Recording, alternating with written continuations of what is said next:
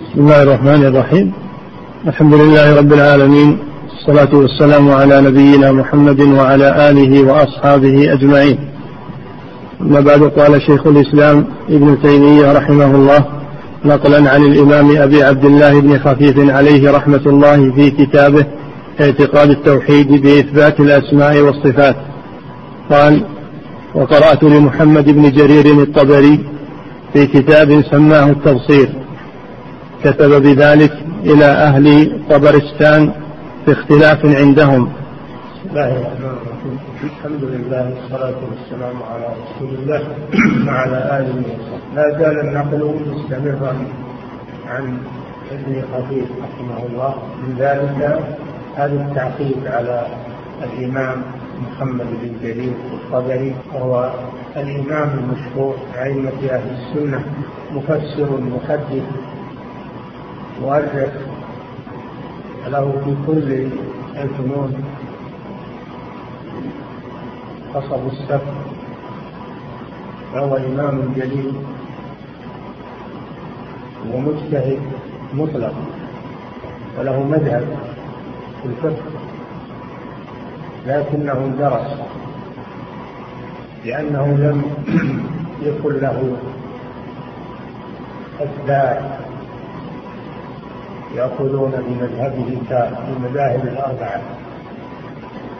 لكن توجد أقوالهم توجد أقوالهم مبثوثة في كتبه وفي الكتب التي نقلت عنه لأنه إمام جليل. متبحر في العلوم. ومن جملة مؤلفاته كتاب اسمه التفسير في علوم الدين أو في أصول الدين أو معالم الدين. يعني أصول الدين معالم الدين معناها أصول. وقد طبع هذا الكتاب بتحقيق أخينا الشيخ علي الشبل طبع محققا وهو كتاب جيد. كتبه جوابا لأهل قبر إسلام إقليم في المشرق. إقليم في المشرق في بلاد فارس مما يلي الاتحاد السوفيتي قديما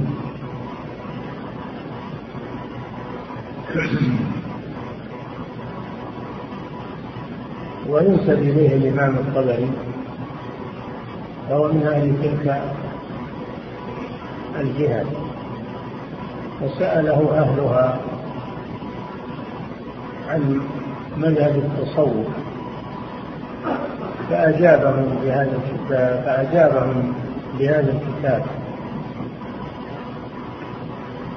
وبين ما يؤخذ على هذا المذهب. ذكر نماذج من ذلك ولكن المؤلف رحمه الله يقول إن هذه المآخذ ليست على الصوفية كلها وإنما هي من بعضهم. وإذا غلط أحد من أتباع المذهب لا يجوز أن ينسب غلطه إلى المذهب فيقال كل الصوفية كذا إنما هذا يحسب على من وقع منه. وهذا صحيح هذا هو الإنصاف أنه ما ينسب غلط واحد إلى المجموعة. هذا صحيح من حيث المبدأ. ولكن الصوفية كما ذكرنا سابقا أن المتقدمين منهم أهل علم وأهل حديث وأهل زهد وورع وأهل استقامة على الدين. لكن أخذوا منحى الاجتهاد في العبادة. أخذوا منحى الزهد والتنسك الاجتهاد في العبادة. فهم لا يذمون من حيث إنهم تزهدوا وتنسكوا ما دام لم يحصل منهم مخالفة للسنة. أما المتأخرون من الصوفية قد دخلت عليهم أشياء كفرية وضلال شطحات كبيره فلا يقاس متأخر الصوفيه بالمتقدمين والتصوف الآن معروف. أنه مذهب ضال مذهب منحرف في كثير من من أموره خصوصا في أمور العقيدة. وفيهم عباد القبور أضرحة الذين يعبدون الأولياء والصالحين. وفيهم من قال بوحدة الوجود كابن عربي وابن وابن سبعين والإنسان والحلاج غيرهم. فالتصوف الصوفية المتأخرون ليسوا مثل الصوفية المتقدمين. المتقدمون لا يذمون مطلقا. بل يقال فيهم وفيهم. أما المتأخرون من الصوفية فإنهم والعياذ بالله غلب عليهم الشر والضلال. هذا معروف. من كتب عنهم من المؤلفين القدامى والمحدثين. كتبوا عنهم مقالات شنيعة. وهذا نتيجة نتيجة للابتداع فإنهم لما ابتدعوا هذه الطريقة وهي الاجتهاد في العبادة والتمسك والزهد وإن كان في أولها أنها سليمة لكن تطورت فيما بعد فالبدعة تجر إلى شر. ولهذا السلف الصالح ما كان ينسب إليهم التصور. ولا نحو هذا المنهج بل كانوا مستقيمين على الجادة الصحيحة الواضحة. ولذلك سلموا من هذه الشطحات والانحرافات. فمن لزم الصراط المستقيم ومنهج السلف سلم ومن خرج عن ذلك ولو كان في الأول خروجه يسير أو عن اجتهاد منه ورغبة في الخير إلا أنه يتطور إلى ما لا تحمد عقباه كما حصل للصوفية الحاصل أن ابن خفيف يعترض على ابن جرير رحمه الله فيما قاله في الصوفية ويقول أن هذا لا ينسب إليه يعني المتقدمين منهم. لا ينسب إليهم وإنما ينسب إلى أفراد منهم. نعم.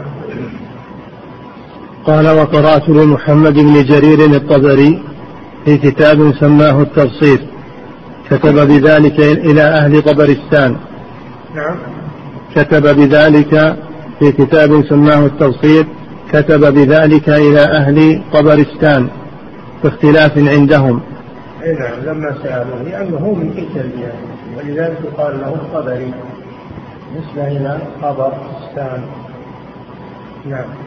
وسألوه أن يصنف لهم ما يعتقده ويذهب إليه فذكر في كتابه اختلاف القائلين برؤية الله تعالى فذكر عن طائفة إثبات الرؤية في الدنيا والآخرة. ونسب هذا ما, أخذه ابن جرير على الصوفية أنهم يقولون برؤية الله في الدنيا. برؤية الله في الدنيا. فإن كان المراد بذلك رؤية البصر هذا ضلال. لأن أحدا لم يرى الله في الدنيا. وإنما يرى سبحانه وتعالى في الآخرة. لأن أحدا لا يستطيع أن يرى الله بكله بعظمته وجلاله وكبريائه سبحانه وتعالى. فإذا كان الناس لا يطيقون رؤية الملك من الملائكة كانوا يأتون على صور رجال وهم خلق من خلق الله كيف يستطيعون رؤية الله جل جلاله. وقدست أسماءه فلا أحد يطيق رؤية الله في هذه الدنيا. وإنما آمن به عباده المؤمنون بناء على الأدلة القطعية والبراهين العقلية والنقلية والآيات الكونية استدلوا عليه سبحانه وتعالى بآياته ومخلوقاته التي تفيد القطع واليقين بالله عز وجل. ولهذا يقول الشيخ الإمام محمد بن عبد الوهاب في ثلاثة الأصول الرسالة المختصرة منها في يسيرة فيها علوم. يقول إذا قيل لك بما عرفت ربك أنت رأيت ربك بماذا عرفت؟ أنت رأيته؟ بما عرفت ربك؟ أقول بآياته ومخلوقاته. عرفت ربي بآياته ومخلوقاته. آياته الكونية مثل الشمس والقمر والسماوات والأرض وآياته القرآنية. آياته القرآنية وهي الوحي المنزل. قال ومن آياته الليل والنهار والشمس والقمر ومن مخلوقاته السماوات والأرض. هذا هو الذي وهذا هو الذي اعتمد عليه المؤمنون الإيمان بالله عز وجل. وإلا إنهم لم يروه وإنما يرونه في الآخرة. هذا إذا كان المراد بالرؤية البصرية. أما إذا كان المراد بالرؤية القلبية يعني توقن بالله حتى كأنك تراه فهذا نعم هذا هذا هذا هو الإحسان. قال صلى الله عليه وسلم الإحسان أن تعبد الله كأنك تراه كأنك تراه ببصرك أن تعبد الله كأنك تراه فإن لم تكن تراه فإنه يراك تؤمن بأنه يراك هذا هو الإحسان. والإمام ابن خفيف يقول هذا هو مقصود من من قال هذا. ما يريد أنه يرى بالبصر وإنما يرى بالبصيرة. يرى بالبصيرة. على أن الذي قال هذا إنما هو واحد من الصوفية نعم. فذكر عن طائفة إثبات الرؤية في الدنيا والآخرة. ونسب هذه المقالة إلى الصوفية قاطبة. لم يخص طائفة دون طائفة. هذا وجه المؤاخذة على ابن جرير رحمه الله. هذا وجه المؤاخذة أنه عمم على الصوفية. والمؤلف يقول لا ما في الصوفية يقولون هذا. إنما ذكره واحد منهم أيضا عليه ملاحظات. فتبين أن ذلك على جهالة منه بأقوال المحصلين منهم. جهالة من ابن جرير بمذهب الصوفية هكذا يقول. وأنا ما أظن ابن جرير أنه يجهل مذهب الصوفية لأنه الإمام الجليل مدرك المنصف نعم. وكان ممن نسب إليه ذلك القول بعد أن ادعى على الطائفة ابن أخت عبد الواحد بن زيد. والله أعلم بمحله عند المحصلين. فكيف بابن أخته؟ ابن أبي زيد ليس مرضيا عندهم. كيف بابن أخته؟ وهو أقل منه منزلة في العلم. نعم. وليس إذا أحدث وليس إذا أحدث الزائغ في نحلته قولا نسب إلى الجملة. أي نعم هذا صحيح. إذا شطح واحد من أتباع المذهب فلا ينسب هذا إلى المذهب وإلى كل أصحاب المذهب إنما يخص من صدر منه ذلك. من صدر منه ذلك. نعم. وليس إذا أحدث الزائغ في نحلته قولا نسب إلى الجملة كذلك في الفقهاء والمحدثين. ليس من أحدث قولا في الفقه أو لبس فيه حديثا ينسب ذلك إلى جملة الفقهاء والمحدثين. هذا صحيح. كلام هذا صحيح. أنه ما ينسب غلطة واحد إلى المجموعة ولكن هل ابن جرير رحمه الله أنه فعل هذا وأنه نسب غلطة واحد إلى المجموعة محل نظر. لأن الصوفية المتأخرين كما ذكرت لكم كثر فيهم الضلال والانحراف. أما المتقدمون منهم فنعم. إن كان إنهم ابتكروا هذه الطريقة لكن كان عندهم توحيد عندهم حديث عندهم تفسير نعم. مثل الفضيل بن عياض. الإمام المشهور الصوفية مثل بشر الحافي العابد المشهور إبراهيم بن أدهم هؤلاء عباد صالحون مستقيمون. والجنيد كما ذكر ذلك أو فصل ذلك عنهم الإمام ابن القيم في مدارك السالكين نعم.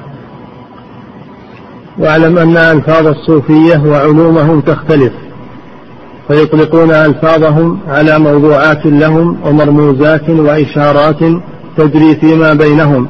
هذه نقطة أخرى إن إن كلام الصوفية ما كل يفهم لأن لهم رموز. هذا هذا يدل على أن هذا ضلال. كيف يكون لهم رموز؟ واصطلاحات غير اصطلاحات أهل السنة والجماعة. كيف يكون لهم رموز اصطلاحات ما تفهم وإنما يفهمها بعضهم البعض هذا دليل على دليل على ذم الصوفية. أهل السنة والجماعة واضحون ما عندهم رموز عندهم أشياء خفية. نعم. وهو اعترف هو اعترض ابن القيم رحمه الله اعترض لأن عندهم رموز عندهم أشياء يتناقلونها بينهم اللي ما يعرف مذهبهم يحملها على محمل سيء. أما الذي يعرف مذهبهم فإنه فإنه يتبين له مقصودهم. نعم. وهذا ذكر منه الإمام ابن القيم في مدارج السالكين شيء كثير ذكر ما يؤخذ عليهم وما التبس على بعض الناس من مصطلحاتهم. ذكر هذا. في مدارج السالكين شرح لكتاب الهروي. شيخ الإسلام إسماعيل الهروي. نعم. واعلم أن ألفاظ الصوفية وعلومهم تختلف فيطلقون ألفاظهم على موضوعات لهم ومرموزات وإشارة. واعلم أن ألفاظ الصوفية وعلومهم تختلف فيطلقون ألفاظهم على موضوعات لهم. ومر... هذا هذا يذم إنهم لهم رموز لهم المفروض إنهم ما يصير عندهم شيء غامض اللي يصير على الكتاب والسنة ما عنده غموض في شيء نعم. ومرموزات وإشارات تجري فيما بينهم فمن لم يداخلهم على التحقيق ونازل ما هم عليه رجع عنهم خاسئا وهو حسير. نعم يقول إنه ما ينبغي إنه أحد يفسر كلامه إلا وعنده خبرة إلا وعنده خبرة في مقاصده ومصطلحاته. أما الذي لا يعرف رموزه ومصطلحاته فإنه يحملها على المحمل السيء فيكون قال عليه ما لم يقولوه أو حمله ما لم يتحملوه. نعم. ثم ذكر إطلاقهم لفظ الرؤية بالتقييد فقال كثير ما يقولون رأيت رأيت الله. نعم من رموزهم إنه يقول رأيت الله. وهو يريد رأيته بالبصيره ليس المراد رؤية العين. وهذا من الموهمات. من الموهمات. لا ينبغي أن يقول رأيت الله. لأن هذا يوهم.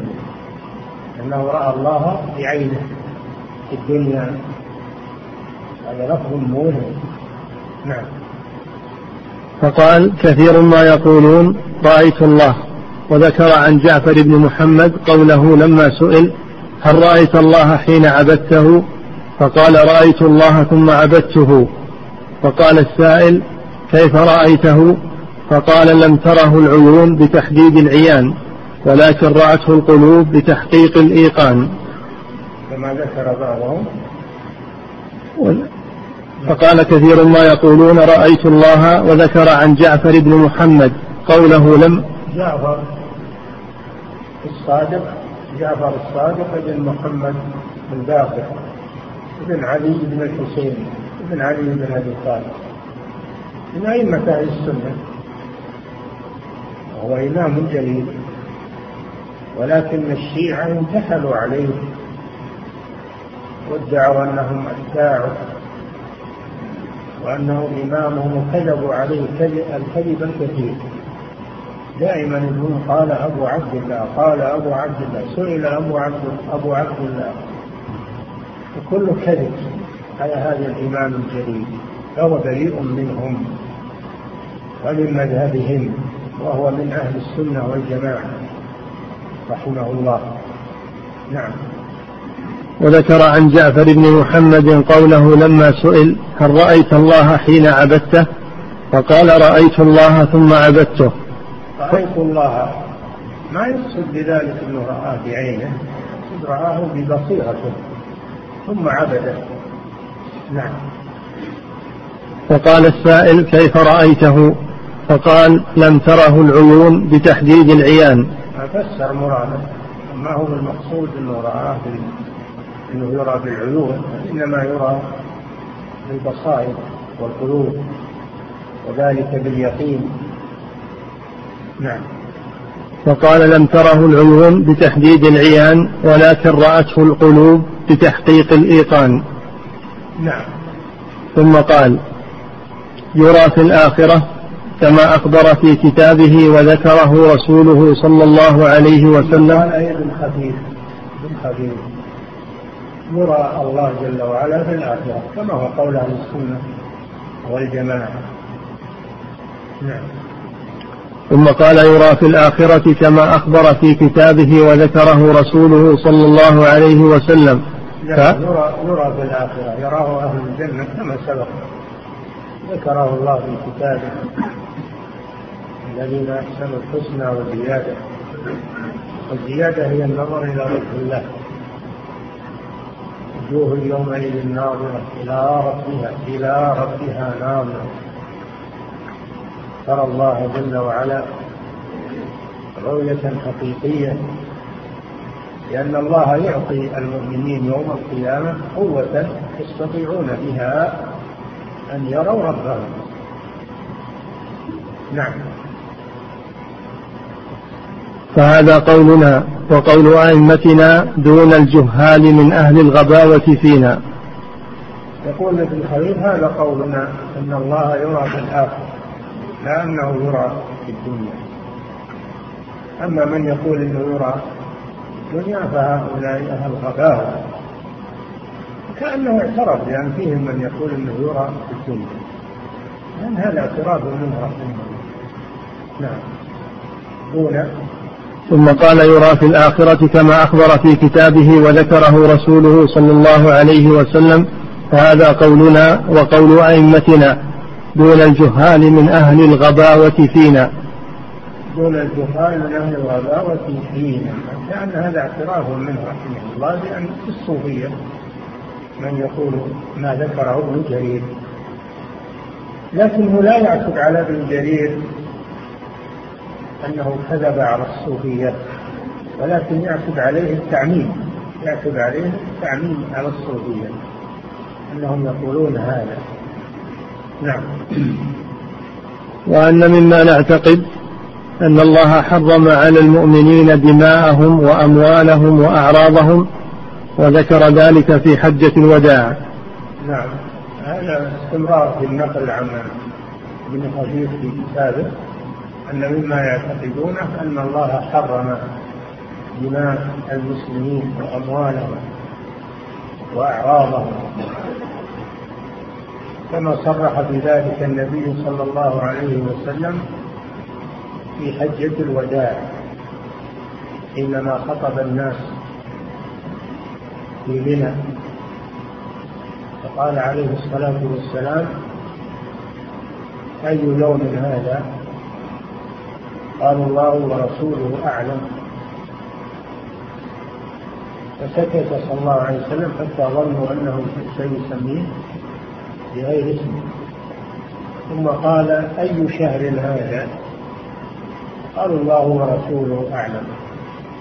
سكت صلى الله عليه وسلم حتى ظنوا أنه سيسميه بغير اسمه.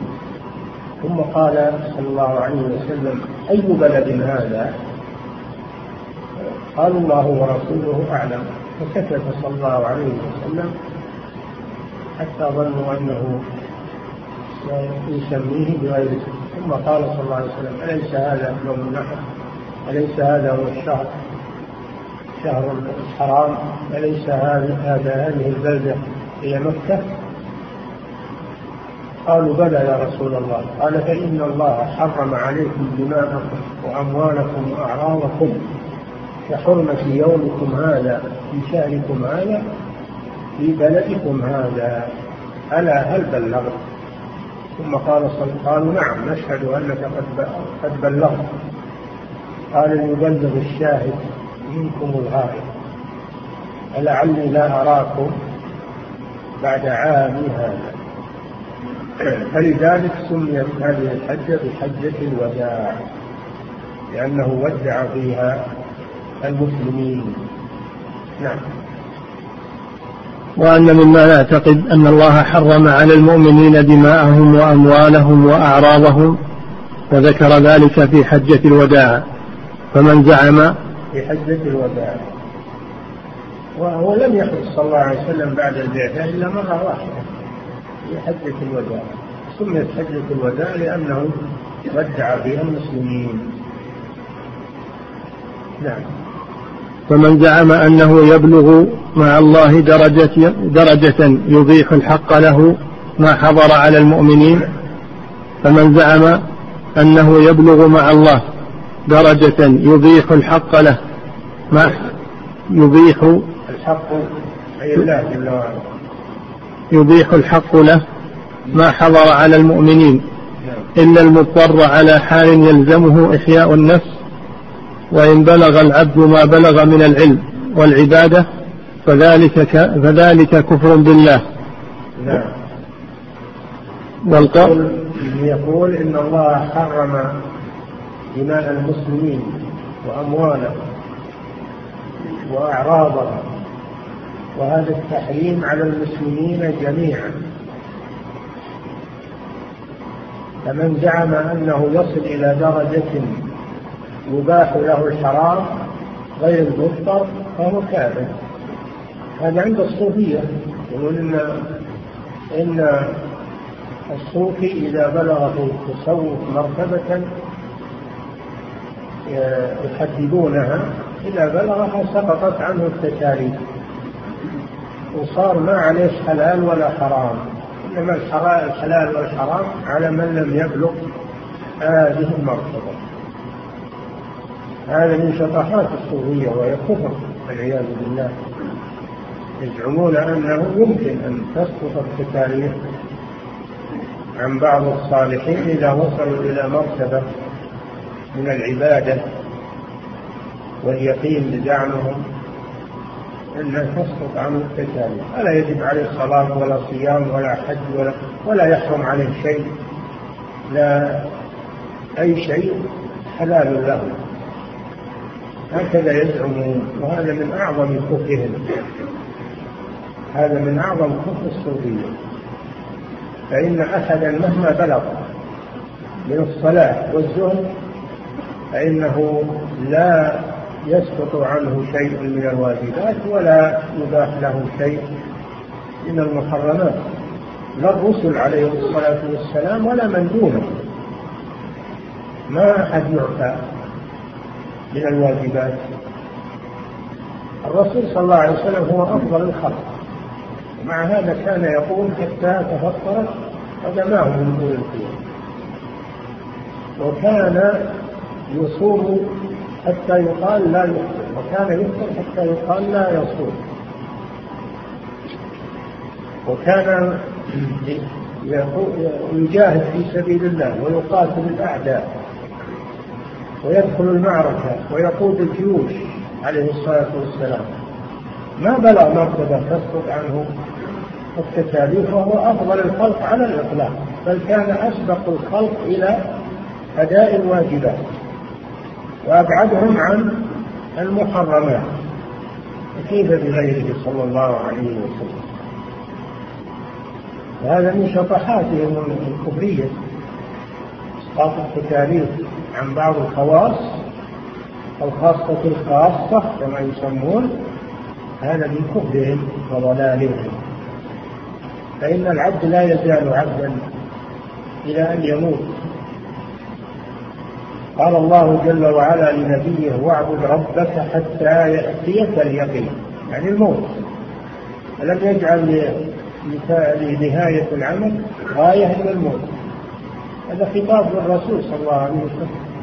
كيف بغيره أن أحدا تسقط عنه العبادات بل وصل يقولون هذا وصل إلى الله ليس بحاجة إلى. فهذا من أعظم كفر الصوفية نعم.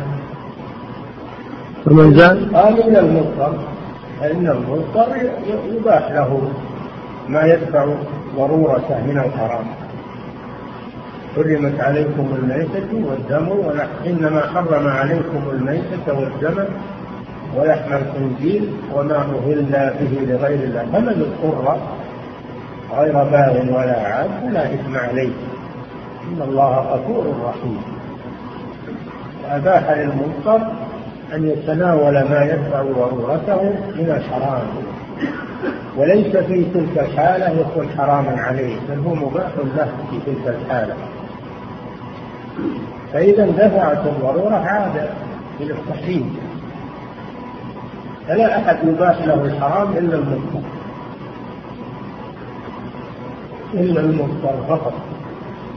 أما من يقول أنه يباح له بسبب أنه وصل إلى مرتبة من العبادة وإلى اليقين فهذا كفر بالله عز وجل.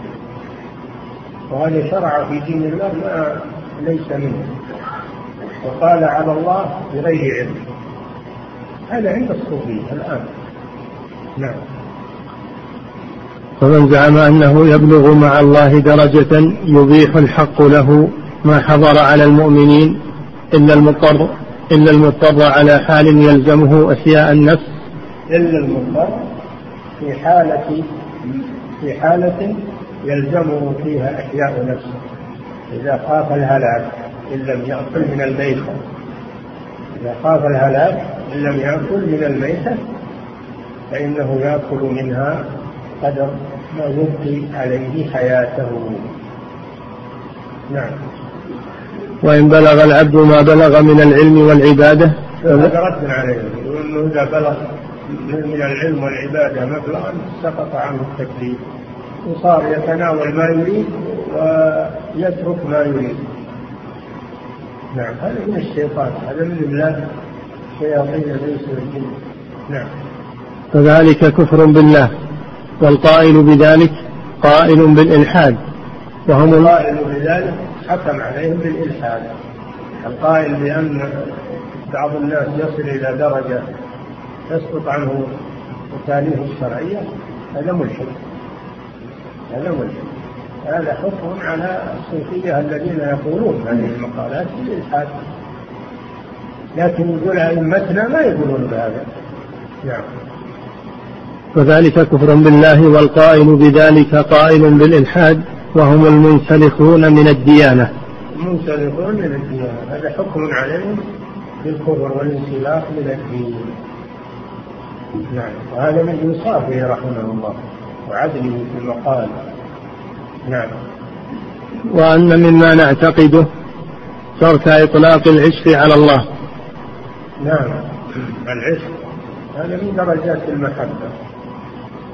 والعشق هو المحبة مع الشهوة هذا هو العشق. الله جل وعلا أخبر أنه يحب عباده المؤمنين وأن المؤمنين يحبونه. قال تعالى فسوف يأتي الله بقوم يحبهم ويحبونه. قل إن كنتم تحبون الله فاتبعوني يحببكم الله ويغفر لكم ذنوبكم.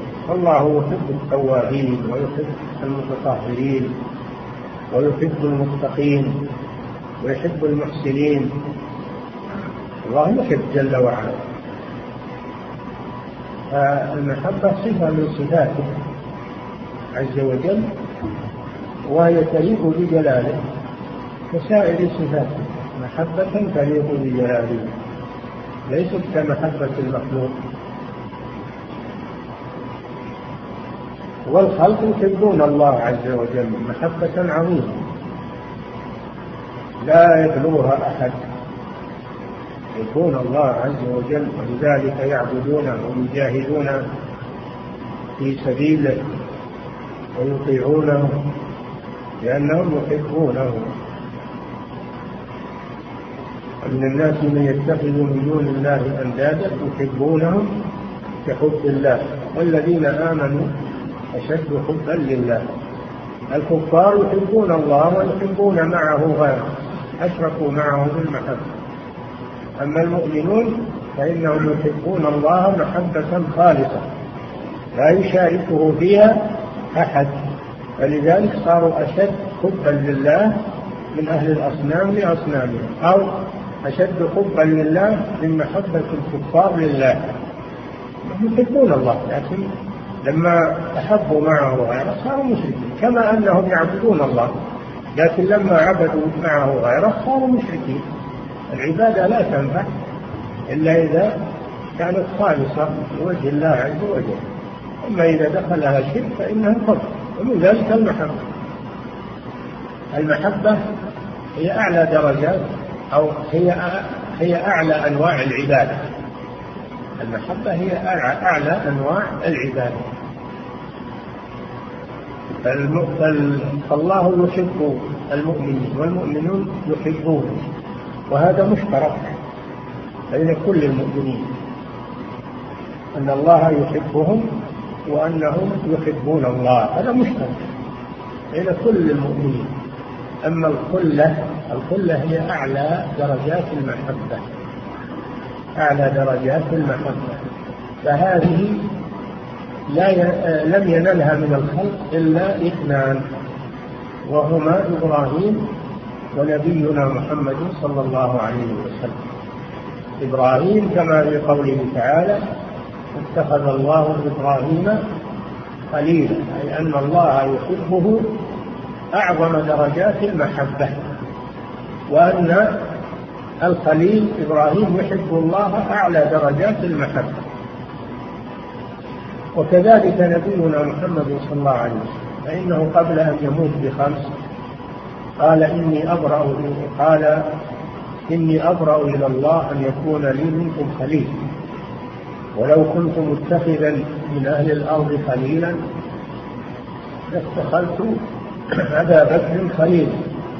غير أن صاحبكم خليل الله. الذي منعه من أن يتخذ أبا بكر خليلا مع أنه يحبه محبة شديدة. هو أحب الرجال لكن لم يتخذه خليلا. لئلا يشركه مع الله في الكل. الكلة ما تقبل الاشتراك. ما تقبل الاشتراك. ولهذا لما جاء الولد لإبراهيم على الكبر وأحبه امتحنه الله أمره بذبحه. فبادر عليه الصلاة والسلام يريد ذبح ابنه امتثالا لأمر الله. لأنه ما ما أحد يشارك الله في محبة إبراهيم له. لا الولد ولا غيره. لذلك بادر بنفسه فظهر صدقه ظهر صدقه في محبة الله.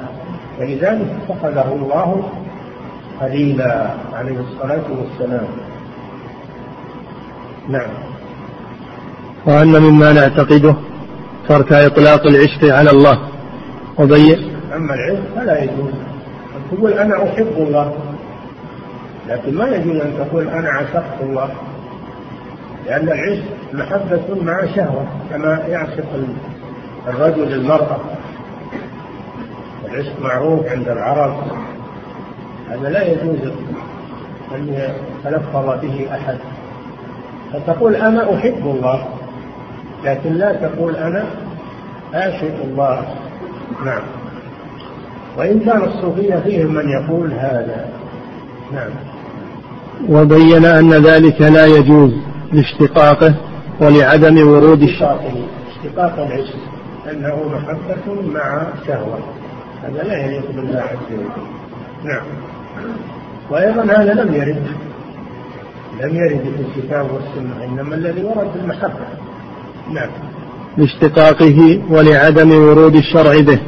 أي نعم. يعني لا يجوز العشق في حق الله لأمرين. اولا انه من ناحية اشتقاقه لا يليق بالله عز وجل وثانيا أنه لم يرد في الكتاب والسنة ونحن لا نثبت لله إلا ما اثبته لنفسه أو أثبته له رسوله صلى الله عليه وسلم. ولكن الصوفية من شطحاتهم أنهم يثبتون العشق لله. نعم. وقال أدنى ما فيه أنه بدعة وضلالة. العشق يعني إثباته بدعة وضلالة. نعم. وفيما نص الله من ذكر المحبة كفاية. أي نعم. الله جل وعلا ذكر المحبة. وهذه عامة للمؤمنين وذكر الخلة وهي خاصة في الخليلين عليهما الصلاة والسلام. نقف عندما ذكره الله عز وجل. نعم. وأن مما نعتقده. أن الله لا يحل في المرئيات. نعم. من شطحات الصوفية المتأخرين القول بالحلول أن الله يحل في المخلوقات أن الله حال في مخلوقاته. تعالى الله عن ذلك. يعتقدون أن الله موجود في كل مكان. ويصرحون بهذا أن الله موجود في كل مكان. وهذا كفر بالله عز وجل لأن الله أخبر أنه في السماء وأنه استوى على العرش وأنه العلي الأعلى. فهو في السماء وفوق عرشه. وأما علمه جل وعلا فهو في كل مكان علمه لا يخلو منه مكان. إن الله لا يخفى عليه شيء في الأرض ولا في السماء.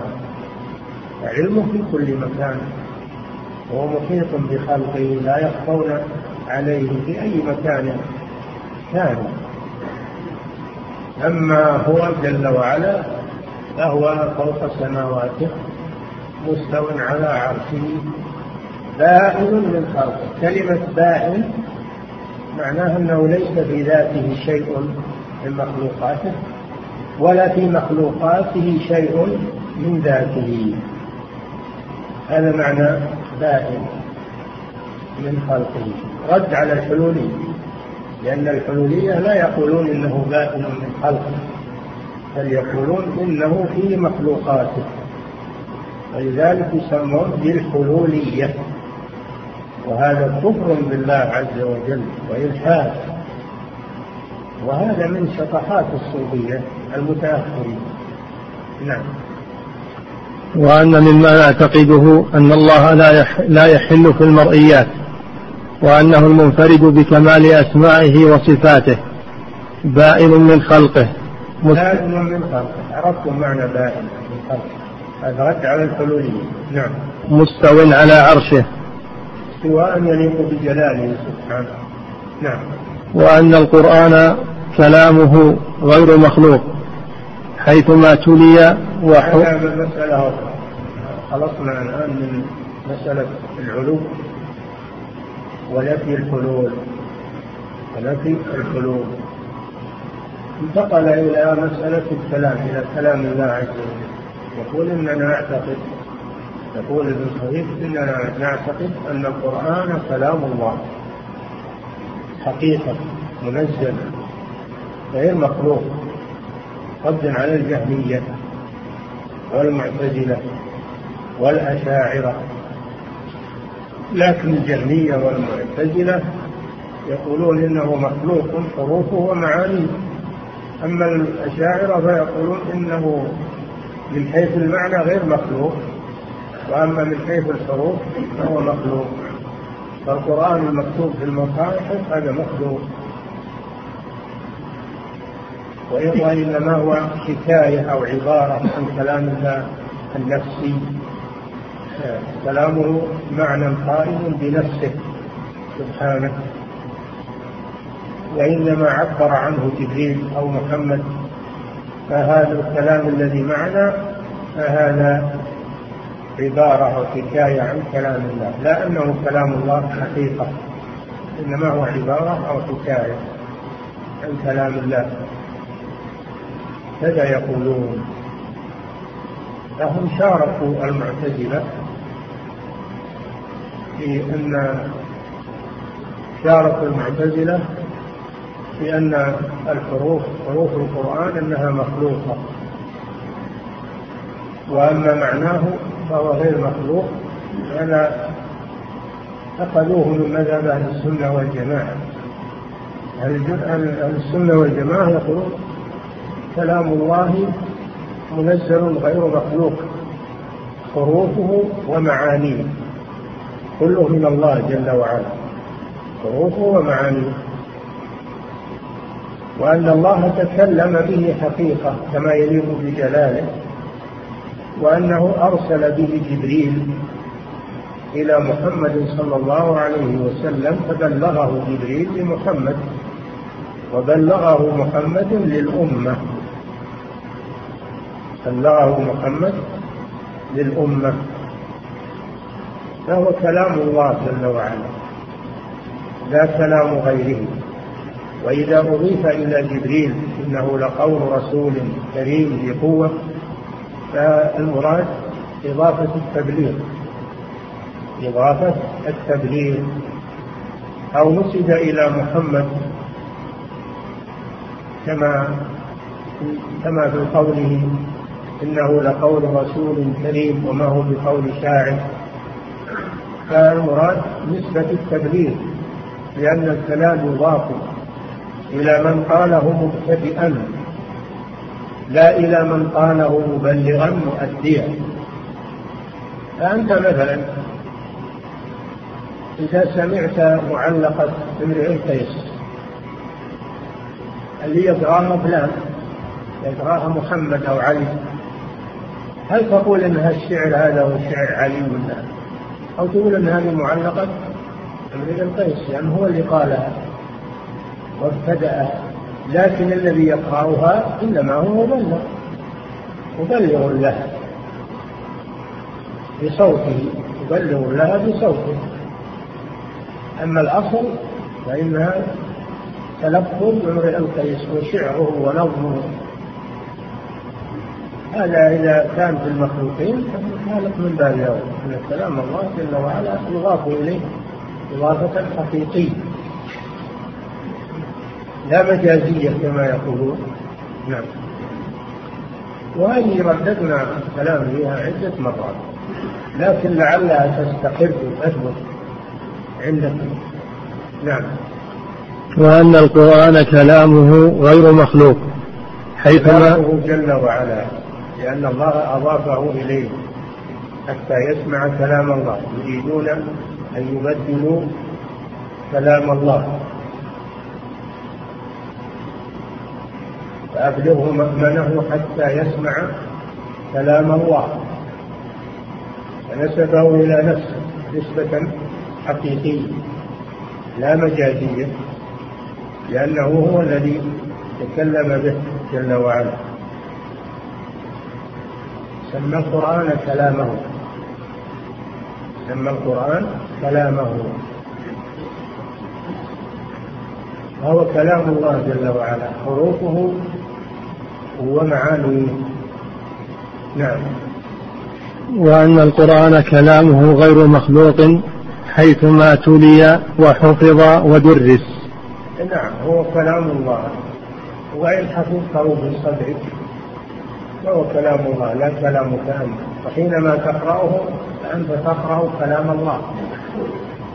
أنت تقرأ كلام الله. كما مثلنا لكم في معلقة أن تحفظها فإذا قرأتها ما نقول هذه قصيدة؟ أبدا ولا أحد يقول هذه قصيدة. يقول هذه قصيدة القيس من حين يسمعها. حين يسمعها. يقول هذه قصيدة امرئ القيس لو قلت هذه لي قال لا أنت كذاب ما يمكن. هذه امرئ القيس معروف وإن كنت أنت تحفظها في صدرك وتقرأها بلسانك وتدرسها لأولادك فهي لا تزال معلقة من؟ امرئ القيس كذلك القرآن ولله المثل الأعلى. إذا حفظته في صدرك أو كتبته في مصحفك أو قرأته بلسانك أو علمته أولادك أو أحدا من المسلمين فهو كلام الله عز وجل. حقيقة. نعم. ونعتقد أن الله تعالى اتخذ إبراهيم خليلا. واتخذ نبينا محمدا صلى الله عليه وسلم خليلا وحبيبا. والخلة لهما منه. على خليلا وحبيبا. لأن يعني بعض الناس يقول حبيب الله. قال الحبيب. هذا هذا هذا ما يكفي في حق الرسول صلى الله عليه وسلم. لأن الحبيب هذه مشتركة لكن تقول خليل الله. هذه أعظم منزلة. تقول محمد خليل الله. ورسوله. أما الذي يذكر على ذلك حبيب الله فهذا نقص في حقه صلى الله عليه وسلم. نعم. والخلة لهما منه على خلاف ما قاله المعتزلة أن الخلة الفقر والحاجة. الخلة أعلى درجات المحبة هذا في اللغة العرب الفصحى ولا أحد يخالف في هذا. أما أهل الضلال فيقولون الخلة الفقر. الخلة الفقر. اتخذ الله إبراهيم قليلا أي فقيرا إليه ما ما أحد فقير إلى الله إلا إبراهيم. يا أيها الناس وأنتم فقراء إلى الله. الله هو الغني معنى هذا أن كل الخلق أخلة لله عز وجل. ليس الخلة هي الفقر الفقر ما يقال له خلة يقال خلة أصابتك خلة يعني حاجة. خلة ما يقال خلة لكن هؤلاء أهل ضلال وأهل تلبيس والعياذ بالله. يغالطون حتى في الأشياء الواضحة ما فيها نعم. إلى أن قال والخلة والمحبة صفتان لله. هو موصوف بهما ولا تدخل أوصافه تحت التكييف والتشبيه.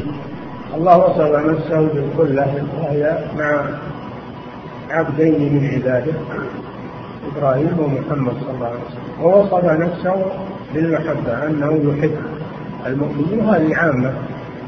في كل المؤمنين والصالحين والمتطهرين والمحسنين عامة. حتى عامة. لخلقه المؤمنين. نعم. وفي فرق بين الخلة والمحبة. نعم. ولا تدخل أوصافه تحت التكييف والتشبيه وصفات الخلق من المحبة والقاعدة أن صفات الله جل وعلا لا تدخل تحت التشبيه والتكييف ولا تقبل التعطيل والتغيير والتبديل والتأويل. بل هي صفات حقيقية ثابتة له سبحانه نثبتها نثبتها من غير تحريف ولا تعطيل. وننزه الله عن مشابهة المخلوقين تنزيها بلا ننزه الله تنزيها بلا تعطيل. ونثبت له الأسماء والصفات إثباتا بلا تمثيل ولا تشبيه. لأن هناك من غلا في التنزيه حتى عطل الصفات ونفاها عن الله. فرارا من التشبيه بزعمه وهم الجهمية والمعتزلة ومن سار كافر بالغوا وغلوا في التنزيه حتى نفوا الأسماء والصفات عن الله لأنها عندهم تقتضي التشبيه. فنفوها وأولئك غلوا في الإثبات. المشبهة غلوا في الإثبات حتى شبهوا الله بخلقه. الوسط هو ما عليها السنة أننا نثبتها من غير تشبيه وننزهها عن صفات المخلوقين من غير تعطيل. نعم. ولا تدخل أوصافه تحت التكييف والتشبيه وصفات الخلق من المحبة والخلة جائز عليهم الكيف. وأما نعم. صفات الله لا تدخل تحت التكييف والتمثيل لأنها تليق بجلاله جل وعلا. ونحن لا نحيط بالله علما إلا ما علمنا عن نفسه سبحانه أو علمنا رسوله صلى الله عليه وسلم. أما صفات المخلوقين فإنها تدخل تحت التشبيه والتمثيل آه، هذا هذا من الفرق بين صفات الله وصفات الله أن صفات الله لا تقبل التشبيه والتمثيل. أما صفات المخلوقين فلا تقبل التشبيه والتمثيل. فتقول فلان علمه كعلم فلان. كعلم فلان. يشبه علمه بعلم فلان. وتقول فلان له يد كيد فلان. ووجه كوجه فلان. لذلك إذا بغيت توصف واحد للناس تقول لهم تراه مثل فلان أشباهه مثل مثل أشباه فلان. فلان يشبه أباه ومن يشابه أباه فما ظلم. الخلق يتشابه فيما بينهم. ويمثل بعضهم ببعض يقول فلان مثل فلان في العلم وفي الأخلاق وفي الكرم وفي مثل فلان. أو نعم. و أما الله جل وعلا فلا يشبه ولا يمثل بأحد من خلقه. لا يمثل ولا يشبه بأحد من خلقه. ولا يعلم كيفية ذاته ولا كيفية أسماء وصفاته إلا هو سبحانه. إلا هو سبحانه. وقد انفرد بذلك. نعم. وصفات الخلق من المحبة والخلة جائز عليهم الكيف. نعم. وأما صفات الله تعالى فمعلومة في العلم وموجودة في التعريف قد انتفى عن بالعلم يعني ثابتة. نعلم معناها. معلومة بالعلم يعني نعرف معناها. نعرف معنى النزول والاستواء. موجب اللغة العربية. نعرف معنى الوجه واليد. بموجب اللغة العربية نعرف معنى أن الله يتكلم. المعنى معروف لكن الكيفية مجهولة. ولهذا لما سئل الإمام مالك رحمه الله سأله سائل فقال الرحمن على العرش استوى كيف استوى؟ شوف يسأل عن الكيفية. قال له مالك رحمه الله الاستواء معلوم والكيف مجهول والإيمان به واجب والسؤال عنه أي عن الكيفية بدعة. فلا نسأل عن كيفية أسماء الله وصفاته وإنما نسأل عن معناها. لا بأس. ما معنى؟ أن الله سميع بصير أن له وجها أن له يدين. المعنى معروف. يوجب اللغة العربية التي خاطبنا الله جل وعلا بها. ما معنى علم الله عز وجل؟ المعنى معروف. ما معنى استوى على العرش؟ معناه ارتفع وعلى صعد المعنى معروف. فسره لكن كيفية لا المجهول. نعم. وأما صفات الله تعالى فمعلومة في العلم وموجودة في التعريف. من حيث المعنى نعم وموجودة في التعريف. قد انتفى عنهما التشبيه. فالإيمان واجب واسم الكيفية عن ذلك ساقط. نعم ما عندنا إلا معرفة المعنى. أما الكيفية فلا يعلمها إلا الله سبحانه وتعالى.